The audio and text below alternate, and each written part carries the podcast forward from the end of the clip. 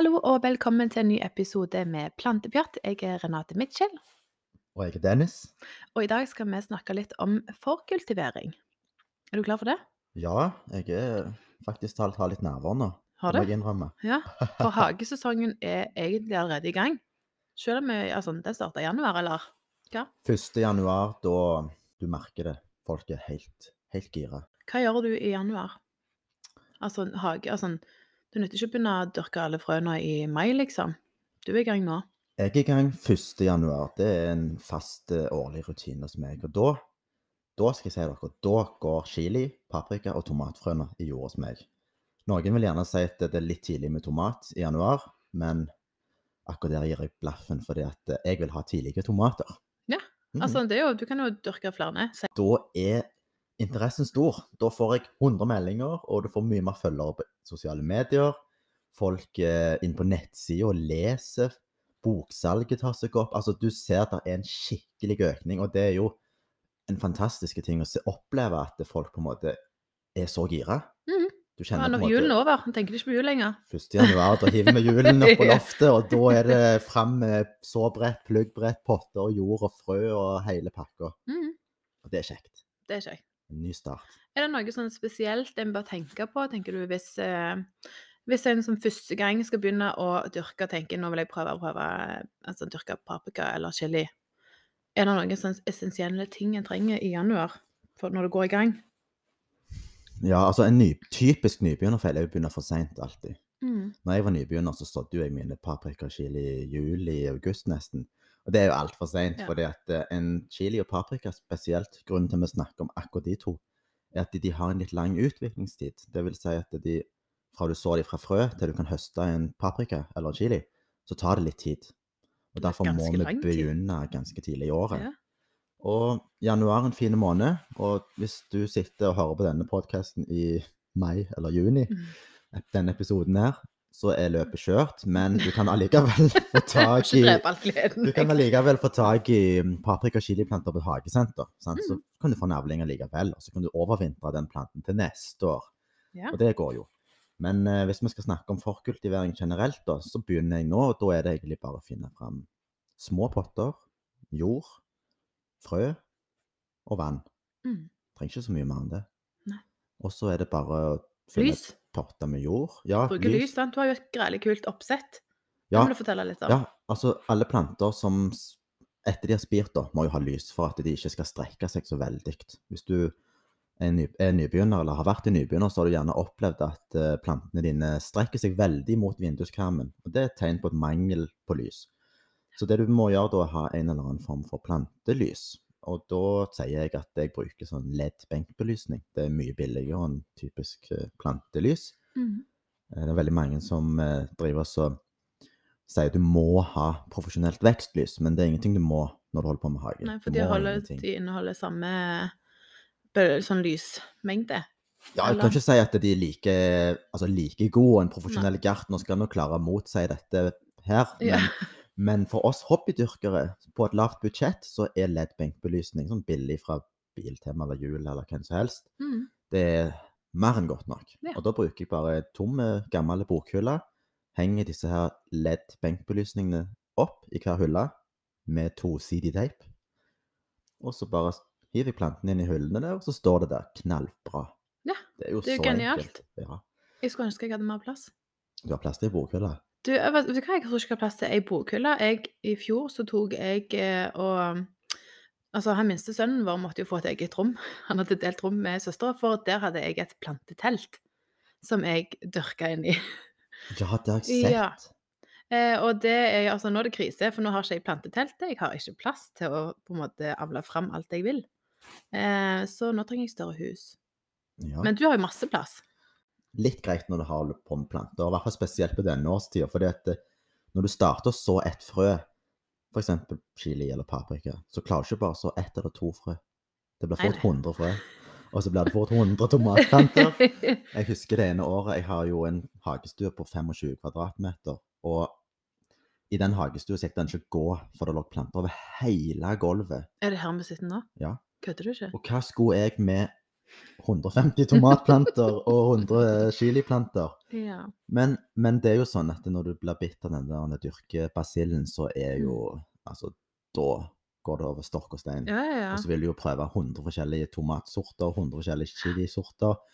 Men det, det Hva skal jeg si? For ett frø blir én plante. Det er jo greit å huske, Det er liksom. ganske greit å huske. Sånn at jeg har begrenset meg veldig mye. Altså, I starten da jeg var nybegynner, så var det utrolig kjekt å bare eksperimentere, kjøre på, prøve alt mulig. Og det vil jeg oppfordre alle til å gjøre, hvis de vil det.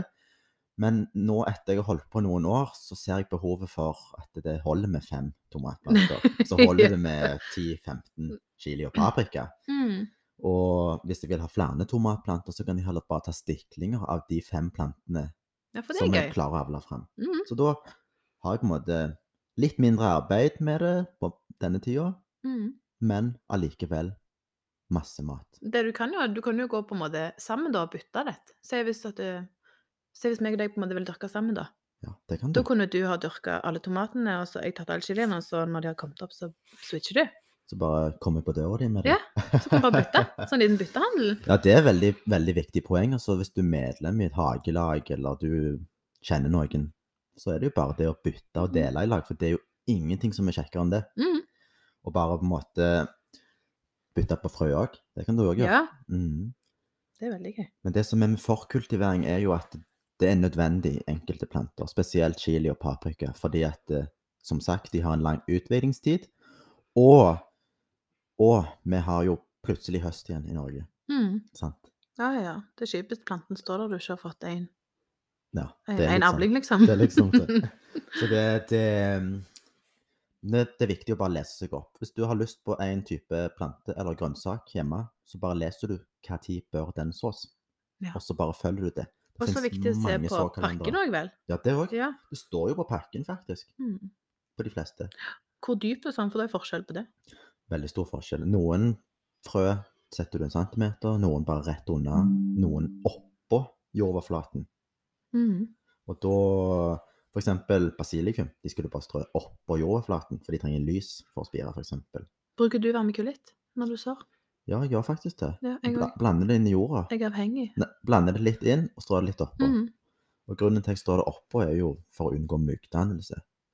Og det er jo sånn Det er ikke farlig med den myggen, men det er bare greit å slippe det. Ja, og så holder du på fuktigheten. Altså, Ja. Jeg føler at jeg har bedre kontroll på spiringen når jeg bruker vermikulitt. Jeg bruker spesielt mye vermikulitt når jeg holder på med kålplantene. For da så jeg de i pluggbrett, og det er så små plugger at de tørker opp gang, på. Ja. på null komma niks. Mm. Så hvis du har vermikulitt strødd oppå jordoverflaten, så holder det på fuktigheten. og Gjør, gjør jobben mye enklere for oss herbegartnere. Og hva er viktig altså, for de som er helt nye i gamet? Når du først har på en måte sådd dette frøet, og du har tatt vermikulitt, hva er viktig underveis? Altså, prosessen videre for det? For det, har jeg, altså, det synes jeg, husker jeg at jeg syntes var vanskelig å vite. Hva planter, hvor, hva temperatur skulle de stå, hvor skal de stå, hvor mye lys måtte de egentlig ha? Altså, Ja, altså det jeg, Når jeg var en nybegynner, så syntes jeg den der kunsten med forkultivering var så komplisert. det, Og jeg leste og leste og leste og ble aldri klokere på det. Og så fant jeg ut av det er egentlig ikke så veldig hokus pokus. Det var å finne ut av riktig temperatur og riktig lys. Og hvis jeg fant ut av de to tingene, så hadde jeg det. Og jeg kan forklare det veldig kort og presist. Hvis du har lys som henger rett over planten, altså sånn LED-benkbelysning som jeg pratet om nettopp, henger rett over planten, 10 cm over, og så har du en temperatur som er lavere enn stuetemperatur. For har du stuetemperatur, typisk 22-23 grader, så vokser plantene litt for fort. Og da kan òg gjøre plantene blir svakere i fremtida. Så det beste er egentlig å ha et litt kjølig gjesterom, en kjølig kjeller, en eh, ja, kjølig hagestue, hvem som Mm. helst, der det er rom. eller slå av strømmen, for den er så dyr. Ja, det sparer litt på strømmen, faktisk. Og da er det Jeg, jeg har det jo på loftstua, der er det mellom 15 og 16 grader. Mhm. Og det resulterer jo at plantene vokser saktere, blir mye kraftigere og mer robuste. Mm. Og så har de lys rett over seg. Og da har jeg på en måte full kontroll på forkultiveringa. Er du sånn som går og gosser på eller ko- koser på spirene dine? Ja, vi må jo følge litt med på dem, hvordan det går med dem hver dag. Ja. Stryker du på dem? Nei, ikke så mye. Blåser du på dem? Jeg gjorde det før i tida. Ja. De får ikke så mye kjærlighet nå lenger. Ikke så mye kjærlighet nå lenger. Men før så pleide jeg alltid å gjøre det. For det, det er faktisk talt eh, bevist at plantene de liker å bli strøket på. Ja. Akkurat sånn som mennesker. De fleste liker å bli strøket på. De blir jo mer robuste. Ja, de blir det. Og du, på en måte, hvis du tenker sånn som Renate sier nå, da, at de blir mer robuste. Og det er faktisk sant. Fordi at står en plante i et stillestående rom uten noe luftsirkulasjon, så står de bare helt stille. Og når du skal plutselig plante det ut i hagen din, da, så er de ikke herda for den er der vinden og det som er av bevegelser. Sant? Så hvis du stusser på dem, blåser litt på dem, så blir de kraftigere i rotsystemet. De tåler mer og mer herda for utplantinger senere. Mm. Så det er ganske smart, det. En gang, eh, eller en gang eh, Jeg begynte med det for noen år siden, men sånn rett før jeg skal sette plantene ut, så har jeg satt på en vifte. Det var Og ganske sånn i vinterhagen så står den og blafrer som vifte som skifter retning. Så står den og vifter i vinterhagen min og gjør deg klar for vinden ute. For jeg har der som jeg bor, det, jeg har det på en balkong.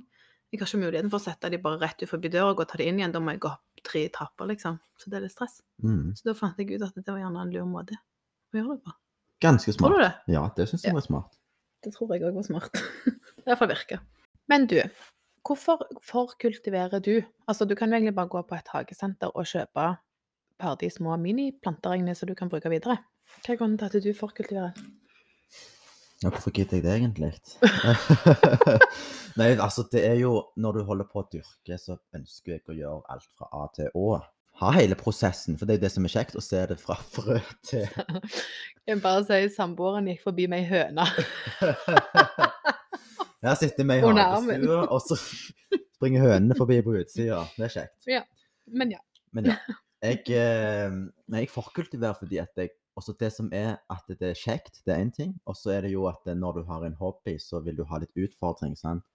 At du vil jo prøve å få dette lille frøet til å bli noe. sant? Og det er litt utfordrende i hverdagen, og det er jo kjekt å ha en utfordring. Jeg liker å ha litt utfordring. Og så er det jo det at du kan jo gå på et hagesenter og kjøpe en ferdig plante ut i våren. Du kan jo det. Mm. Men da får du ikke akkurat den tomattypen jeg har lyst på. Nei, sant, for de de har jo ikke alle tomatene. utvalg. Da blir det de standard bifftomater eller sherry ferdig. Mm. Og de som liker det, kjempegreit. Jeg vil ha lilla tomater og lilla paprika, og så vil jeg ha gule chili. sant? Ja, Det, gøy. der jeg mm. prøver litt forskjellig. Ja, ja. Gjerne tigerfarga tomater. Det er kult. Wow. Jeg tror ikke jeg har sett de. Sånn at um, Derfor forkultiverer jeg. Og så er det litt rimeligere òg. Det er det òg. Altså, du får jo mye mer for pengene hvis du kjøper én pose med frø enn hvis du skulle kjøpt alle de plantene på Så har en pose frø, så får du jo noen planter ut av det. Ja, ja. Ehm, I tillegg så er det jo sånn at um, du må jo ha noe å gjøre på på denne tida. Du Mhm. sitter i januar eller februar og bare Vente. venter på våren. Det er ikke så venta på jul. Da ligger det så greit å bare vente med plantene, da. Mm. Men hva sånn venting sier du? Eh, sånn framover, hva tid skal en plante altså, Hva tid plante en de andre sortene? Nå har du snakket om paprika, chili og dette her. Ja, jeg kan veldig for. Januar og februar, da er det chili, paprika og tomat som er i fokus. Når jeg kommer til mars, da begynner jeg å tenke på kålplantene, altså. Mhm. Fordi at jeg vil ha en tidlig avling av brokkoli og blomkål. Og hvis jeg begynner med de i mars, så er de faktisk alt høsteklar i juni allerede. Det er ganske kult. Det er nice. Men da begynner jeg med svære pluggbrett, og pluggbrettet er jo egentlig bare et brett med masse små huller i. Og så bare fyller du hele brettet med jord, og så stikker du et frø i hver, hver Mhm. plugg, på en måte. Et pluggbrett kan gjerne ha 104 hull, så da får du plutselig 104 kålplanter òg. Lar du de stå oppi det samme brettet, eller potter du de om? Jeg lar de stå ganske lenge, faktisk. Mm. Eh, til plantene har faktisk blitt en grei størrelse. Og så kan jeg hive de over i litt små potter. Vel, altså ikke store potter, men bare bitte små potter, litt mindre enn en kaffekopp, i papp. Mm. Og så bare står de der en liten stund, og så er det ut. Og gir du dem næring underveis, da? Altså se nå hvis du har planta dem, og de har spirt, og så når de har spirt og fått en litt størrelse, gir du dem næring, eller bare lever de på den næringen som er i jorda? Når jeg sår dem i pluggbrettet, så får de ingenting næring. Nei. Altså når de spirer, så får de heller ingenting næring. Men etter hvert som de vokser, og jeg på en måte planter de over i de små pottene, da får Mm. de jord som inneholder næring, og det er bare en typisk plantejord eller blomsterjord. Mm. Står det der en liten stund, og hvis, hvis du ser det på kålplantene, at det med en gang bladene begynner å bli litt lysegrønne eller gule, Da trenger de næring. Mm. Så det bare å peise på med f.eks. gjødsel for kjøkkenhagen. Og så Ja, for det har du. Det har jeg. Mm. Det er kjekt. Og det er et gjødsel som ja, gir det plantene trenger. Iallfall spesielt de spiselige vekstene. Men eh, Andre ting som eh, kålplanten i ja. mars, og så begynner jeg å tenke på mye mars, egentlig. Ja. Men eh, ja, Salater og sånn, er det noe du dyrker hele tida, liksom? Eller har du sånn startskudd for de òg? salatene dyrker jeg mest utendørs. Og da kan jeg faktisk ta dere ut i hagen i mars, for jeg er jo veldig heldig og bor så mildt til i Stavanger. Og da kan jeg gå ut, og så bare fyller jeg en pallekar med jord og frø. Mm. salatfrø og spinat og ruccola. Og bare strør frøene ut. Bare Det tar meg ti sekunder. Dekker de med en centimeter jord, og så gjør jeg ingenting. Så plutselig en dag i mai-juni så spirer de, og så bare så er de der. Mm. Så det er ganske greit å få unnagjort sånne typer jobber òg, litt tidlig på året. Sånn som må gjøres Ja. med en gang. Ellers så, i mars måned, da skjer det mye egentlig i Stavanger. Da begynner det å bli litt bedre i været, så da spirer jo faktisk all rabarbraen. Ramsløken kommer opp. Mye som skjer. Mm. Sånn at det da Og så er jo jeg Når vi tenker på enda mer såing, da, så kan du så litt mer ting utendørs. Altså, da kan du jo så masse kjekt ute. Ja, masse kjekt. Der er, altså en gress, gresskar, for eksempel, da, hvis du vil ha det, er det for tidlig å så i mars? Gresskar og Har du brukt det? Ja. Ja. Gresskar og squash og agurk, det kan jeg så i april. Mm. Når jeg sår det i april, så har jeg store, fine planter en måned etterpå. For det er litt ugreit hvis du sår Altså si hvis du hadde sådd f- gresskar i februar, da. Da sitter du med en Ja, det har jeg gjort. grevlig svære plante som du skal holde innendørs helt til For de tåler ikke mye. Nei, altså det som er at de vokser jo så innmari fort at det er jo bare å så de tre-fire uker før. Ja. For du trenger ikke mer enn det. Nei. Men jeg har gjort det og sådd de inne i, i februar, og jeg hadde jo en gresskarplante på to-tre meter inne i stua. Kødder? Skrev unna sofaen, opp i vinduskarmen, overalt. Og det som skjedde, var at all den energien jeg brukte på den gresskarplanten, planta jeg ut uten å herde den for utendørsklima. Ja. Så den døde jo. Den Så jeg hadde jo en gresskarplante som var kjempestor inne i stua. Og så planta jeg den ut, så var den død 48 timer etterpå. For det går fort. Altså, en herding er, det kan vi ha en egen hel episode om, liksom. ja, vet du hva. Det er en viktig del når, du, når du forkultiverer. For det at eh, det er en sånn typisk nybegynnerfeil. Mm. Glemme å herde plantene. Ja, det vil du ikke glemme. Det er veldig dumt å ødelegge hele, hele jobben du har gjort tidligere på høsten. Er det andre ting du tenker bør nevnes for de som gjerne vil prøve seg på fortivering? Nå, nå har vi jo kommet allerede til gresskar og squash og agurker, så da er vi jo i april nå, kan vi tenke. Og i Mhm. april så får jeg òg eh, settepoteter og Ja. setteløk. De fleste som bestiller dette på nettet, får jo det i den perioden. Og da er det jo egentlig bare å begynne å klargjøre jorda For det må vi nevne at du har jo en nettbutikk hvor du har alt dette. Ja, jeg har en nettbutikk som heter spiselighareke.no. Mm -hmm. Der kan du få en haug av spiselige vekster. Ja. Men nok om min egen nettbutikk. Jeg eh, tenker sånn som at eh, når du får settepoteten òg, så er det liksom greit å gjøre klar jorda ute hvis du har mulighet til å gå ut i hagen i april. da. Begynne å grave litt i jorda. Har du ikke mulighet til det, så kan du legge disse potetene i vinduskarmen, bare sånn at de begynner å spire, i hvert fall. Så Mhm. de får en liten tjuvstart. Men ellers, jeg sår ikke så veldig mye mer frø enn kålplanter og chili, paprika og tomat innendørs, Nei. egentlig. Du kan jo så fysalis, du kan så selleri, du kan så løk, du kan så purre og alt. Men eh, ja, jeg holder meg til de tingene der. Mm. Men eh, Det som òg er greit, da, når du på en måte, sånn som med kålplanter, de er jo veldig elska av snegler. Så jeg husker jeg, helt i starten så prøvde jeg å så ute. Altså sent, sånn, da, da var det på tide å så ute, direkte ute, men de kom jo fader aldri opp, for sneglene tok de før det. ja, sneglene er kjappe. Er det er, har du mye snegler her? Er det en grunn til at du forkultiverer og lar de få litt størrelse, liksom? Ja, jeg, eh, jeg forkultiverer jo alle typer kål av sneglene, egentlig. Mm. Fordi at de er overalt. Ja. Og det er sånn, med en gang spira titter opp på jorda, så er spira spist Ja, det, er- det er helt sinnssykt. Så det beste for meg har jeg funnet ut av, er forkultivere alkohol. Og det hørtes jo gjerne ut som om jeg ikke forkultiverer noen ting når jeg sa at jeg bare hadde chili, paprika, tomat og kål. Men når jeg snakker om kålplanter, så er det ikke bare hodekål. Det er brokkoli, det er blomkål, det er spisskål, og der er gjerne andre farger på spisskål. Grønnkål, palmekål. Ja, Det er så mye kål, og jeg har jo gjerne 20-30 pallekammer bare med kål. Sant? Så det går jo en del kål. Mhm. Um, Og det er veldig greit lagra òg. Altså, det holder seg jo. Ja, kål er kjempekjekt. Og Rosenkål. rosenkål har jeg Ja. ja, Åh, elsker rosenkål. Og så finnes det en lilla type rosenkål. Ja da, den er jeg ikke prøvd. Ja, den må du prøve. Den må jeg prøve. Men det som er med kål, er at eh, jeg planter de ut når de er på en ca. 10-15 cm størrelse. Mm. Da tåler de at en snegle spiser litt på et blad, Ja, for de vil vokse det fra seg. Mm. Det viktigste før du planter ut en kålplante, er jo egentlig å herde de før du tar de ut. Mm. Vi skal ha en episode om herding, høres det ut som, men Ja, jeg kan bare ta det veldig kjapt. Herding handler om å bare tilvenne planten utendørslivet. Og det vil si at eh, han må lære seg den temperaturen som er ute, og sollyset og vinden. Så det er så enkelt om at du bare setter planten ut på terrassen f.eks. en halvtime til dagen hver dag i en ukes tid. Mm. Så bare øker du med Mengden. minuttene for hver dag som går, sånn at planten blir mer og mer tilvendt utendørs lyset og temperaturer. Mm.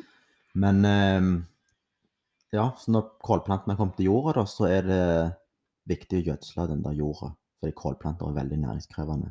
De liker å ha mye næring. En kålplante med lite næring blir en liten kålplante. Mm. Så jeg peiser jo på, jeg går ut i hønsegården, fyller en trill, bare heller i jorda. Er det noe du gjør på vinteren òg, når vi snakker om på en måte forkultivering, gjør alt klart i hagen? Ja, det er ganske lurt. lurt. Det er ganske lurt, og så begynner egentlig Hvis du tenker at vi er i februar nå, at da er det bare å komme deg ned til fjæra og hente opp tang og tare fra sjøen, f.eks. Ja, det er super næring. Mm. Eh, rak plenen. Plukke opp alle bladene som ligger rundt på plenen fra høsten. Ja, aldri kast blader, altså. Ja. Ja. Det må kjøkkenhagen. Kvister, greiner, hva enn som helst av organisk materiale. Har du husdyr, grav ut, fyll pallekarmene. det er liksom bare å fylle i vei, og så når tiden er ut, klar for å plantes ut, så har du den superjorda. Mhm. Den næringsrike jorda. Du bruker du bokashi? Bruker litt bokashi. Ja. Bokashi er jo genial måte å lage noe av matavfallet ditt. Mm. Men jeg har ikke så veldig mye matavfall med tanke på hønene. De spiser jo alt. Ja, de spiser jo alt. Spiser jo Ja, jeg har brukt mye bokashi. Det er jo greit. Og sånn, hvert fall når du bor i Stavanger, der det er mildt, at du faktisk kan grave ned Kjempegreit. gjennom vinteren og gjøre ting klart. Men sånn når, eh, når vi snakket om april, i mai, er det noen ting du hiver i brett inne da, eller nærmer det seg liksom Nei, i mai da er jeg ute i hagen. Da er du i hagen. Ja, da Jeg husker 17. mai, da snødde det i Stavanger. ja, For noen år siden. Det kan jo være. Jeg husker ikke sånne ting. Jeg fortrenger det. Ja. Det husker jeg. jeg er jo, jeg er jo um, tar ut alle mine kålplanter. Jeg har eh, salat, spire i hagen. Jeg har blomster på frukttrærne. Har du mais? Mais, ja. Det har vi ikke snakket om. Nei, Herligheten er glemt helt ut. vi må ikke glemme mais. Mais er jo kjempekjekt. Den så jeg inne i april. Den så du i april. Ja, for Mm. den bør være til knehøyde. til Før han kommer, ja. Hvis ikke får du ikke maiskolber. Knehøyde før sankthans. God Mm. huskeregel. Ja. De òg må herdes før du planter de ut. Mais òg trives solrikt, litt lunt, ikke sånn kjempemye vind. Mm. Eh, sett de ikke på rekker, men i klynger. Så de Ja. pollinerer hverandre. Mm. Det er mine beste råd for mais. Og så kom jeg på en ting til. Nå arbeider jeg, det var ikke meningen. Men ingefær. Ja, Det òg er jo det er tidlig, for det har ikke jeg prøvd før. Og så sist gang jeg var hos deg, så fikk jeg en knoll av deg. Og du må fortelle litt mer om ingefær. Jeg gleder meg så sykt til å ha den planten i stua.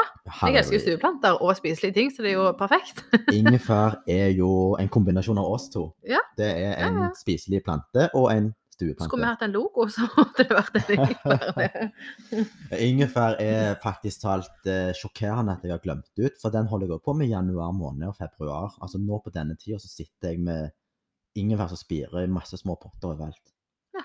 For ingefær er en lang utviklingstid, ti måneder før det høster klart. Just like a baby. Ja, er enda lenger. så det, det for hvis du får tak i sånne sette ingefærrøtter, så kan du plante de nå. Mhm. De bruker gjerne to, tre, fire uker før de spirer over jordoverflaten. Men når de først spirer, så vokser de fort. Ja. Sett gjerne litt små potter på fem liter først, og så kan du heller plante de over i større potter etter hvert som planten vokser. Mm. Men når planten vokser, kommer det sånne grønne skudd, noen type bambuslignende skudd. Ja, Bambus er jo så fint. Kjempefine.